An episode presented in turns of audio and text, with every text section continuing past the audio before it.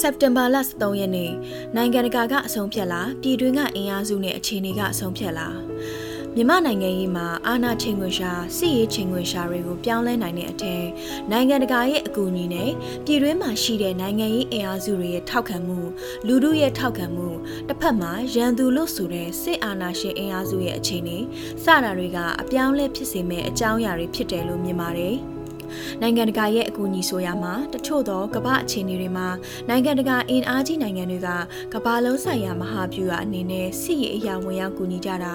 တနည်းအားဖြင့်ဆွတ်ဖက်ကြတာမျိုးလည်းရှိကြပါတယ်။သို့မဟုတ်တစ်ဖက်ရန်ဖြစ်တဲ့နိုင်ငံရေးစနစ်နိုင်ငံအုပ်စုနိုင်ငံတနိုင်ငံကသူတို့နဲ့အိမ်ကြီးချက်မှာလာရောက်အခြေချတာမျိုးအခြေချတယ်လို့ယူဆတာမျိုးဆိုရင်လည်းစစ်ရေးအရာဝင်ရောက်ဆွတ်ဖက်ကြတာမျိုးလည်းရှိပါတယ်။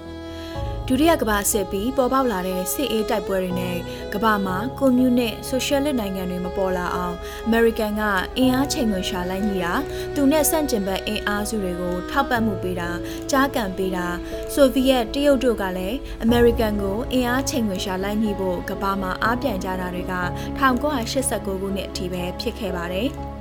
အဲ့လိုအင်အားချိန်ခွင်ရှာလိုက်နှိကြရမှာအမေရိကန်ဆိုရင်လည်းနိုင်ငံတနိုင်ငံကိုကွန်မြူနစ်နိုင်ငံလက်ဝဲနိုင်ငံမဖြစ်ရေးဆိုရင်အဲ့ဒီအုပ်ချုပ်နေတဲ့သူကအာဏာရှင်လားစစ်အာဏာရှင်လားလူထုကမနစ်မြို့တဲ့အစိုးရဖြစ်နေလားဆိုတာတွေမရွေးချယ်တော့ပဲကွန်မြူနစ်ဆန့်ကျင်တဲ့အင်အားစုတွေကိုမျက်စိမိတ်ထောက်ခံခဲ့ကြတာပါဝေးဝေးကြည့်စရာမလိုကျွန်တော်တို့နိုင်ငံက1962ခုအာဏာသိမ်းပြီးတက်လာတဲ့စစ်တပ်ခေါင်းဆောင်မဆလာအစိုးရကတောင် ကွန်မြူနစ်ပုံကန်သူတွေနဲ့တိုက်နေတာကိုအကြောင်းပြုပြီးမဆလာအစိုးရနဲ့စစ်အာဏာရှင်ခေါင်းဆောင်ဦးနေဝင်းတို့မဲမပြတ်ဆက်ဆံခဲ့ကြတာ1988အရေးခင်းဖြစ်တဲ့တိုင်မှာအလားတူပဲဗီယက်နမ်စစ်ပွဲမှာအများစုလူထုရဲ့ဆန္ဒကိုစန့်ကျင်ပြီးစစ်အင်အားအလွန်ကျွံသုံးတိုက်ခိုက်ခဲ့တာတွေကွန်မြူနစ်ခမာနီတွေကဆိုဗီယက်ကိုစန့်ကျင်ဗီယက်နမ်ကိုစန့်ကျင်တော့ ခမာနီတွေရဲ့လူအစုလိုက်ပြုံတဲ့တပ်ဖြတ်မှုတွေကိုလေးလူရှုခဲ့ကြတာတွေကတမိုင်းသက်တွေ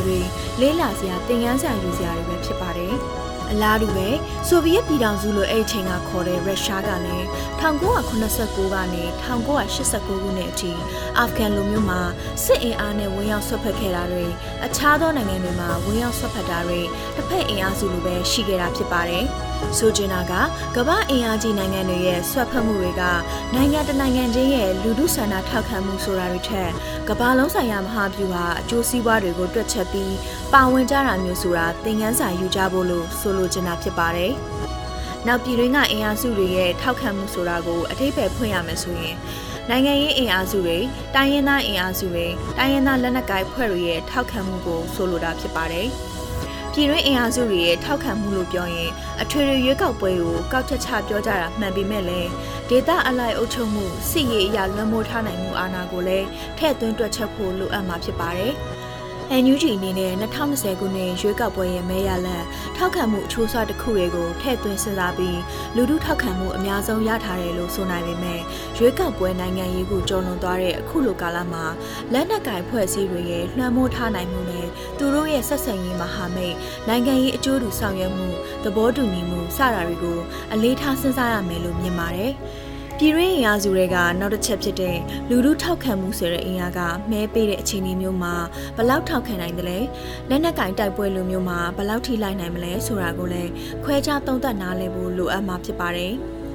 ဘလောက်နှစ်ကြာကြာတိုက်ပွဲကိုကြက်ကြက်ခံတောက်ခံနိုင်မလဲစီးပွားရေးအရာအသက်ရှင်ရက်တည်ရေးအရာတစ်ဖက်ရန်သူရဲ့နီးလန့်အမျိုးမျိုးနဲ့နှိပ်ကွမှုနှိပ်စက်မှုကိုတောက်ခံနိုင်စွမ်းစသဖြင့်အခြေအနေမျိုးမျိုးကိုထည့်သွင်းစဉ်းစားထားဖို့လိုအပ်မှာဖြစ်ပါတယ်။နောက်ထပ်ထဲသွင်းစဉ်းစားရမယ့်အချက်က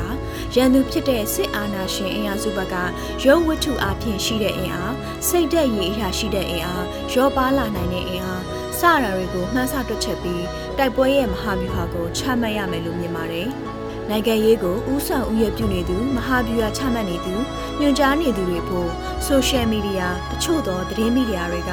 ရေးသားဖော်ပြနေကြတဲ့စိတ်အားတက်စရာစိတ်တက်ကြစရာတွေနဲ့နိုင်ငံရေးရည်ချိန်မြင့်နေပြီး အောင်ပွဲကလက်တကမ်းမှာလို့အလွယ်တကူမဆုံးဖြတ်တဲ့လို့အခါအားရစွာကြုံတွေ့ရတဲ့ဖန်ဆီးမှုနှိပ်စက်တပ်ဖြတ်မှုအသက်ဆုံးရှုံးမှုတွေနဲ့နိုင်ငံတကာရဲ့တန်တမန်ရေးတက်ကြတွေကြောင့်လည်းစိတ်အားတက်ခြင်းစိတ်အားကျခြင်းတွေလွယ်လွယ်ကူကူမဖြစ်ဖို့မတုံ့ပြန်ဖို့လိုအပ်တယ်လို့မြင်ပါတယ်။အခုလက်ရှိမြန်မာနိုင်ငံရဲ့အခြေအနေကတော့ကမ္ဘာအင်အားကြီးနိုင်ငံတွေရဲ့မဟာဗျူဟာအကျိုးစီးပွားတွေဓာတ်ရိုက်ပတ်သက်နေပဲပေါ်ပေါ်တင်တင်ဝေရောက်ဆွတ်ဖက်မှုလည်းမဖြစ်နိုင်တာမို့ ပြည်တွင်းအင်အားကသာနေအဆုံးဖြတ်ဖြစ်မယ်လို့ယူဆမိပါကြောင်းရေးသားတင်ဆက်လိုက်ရပါတယ်ရှင်။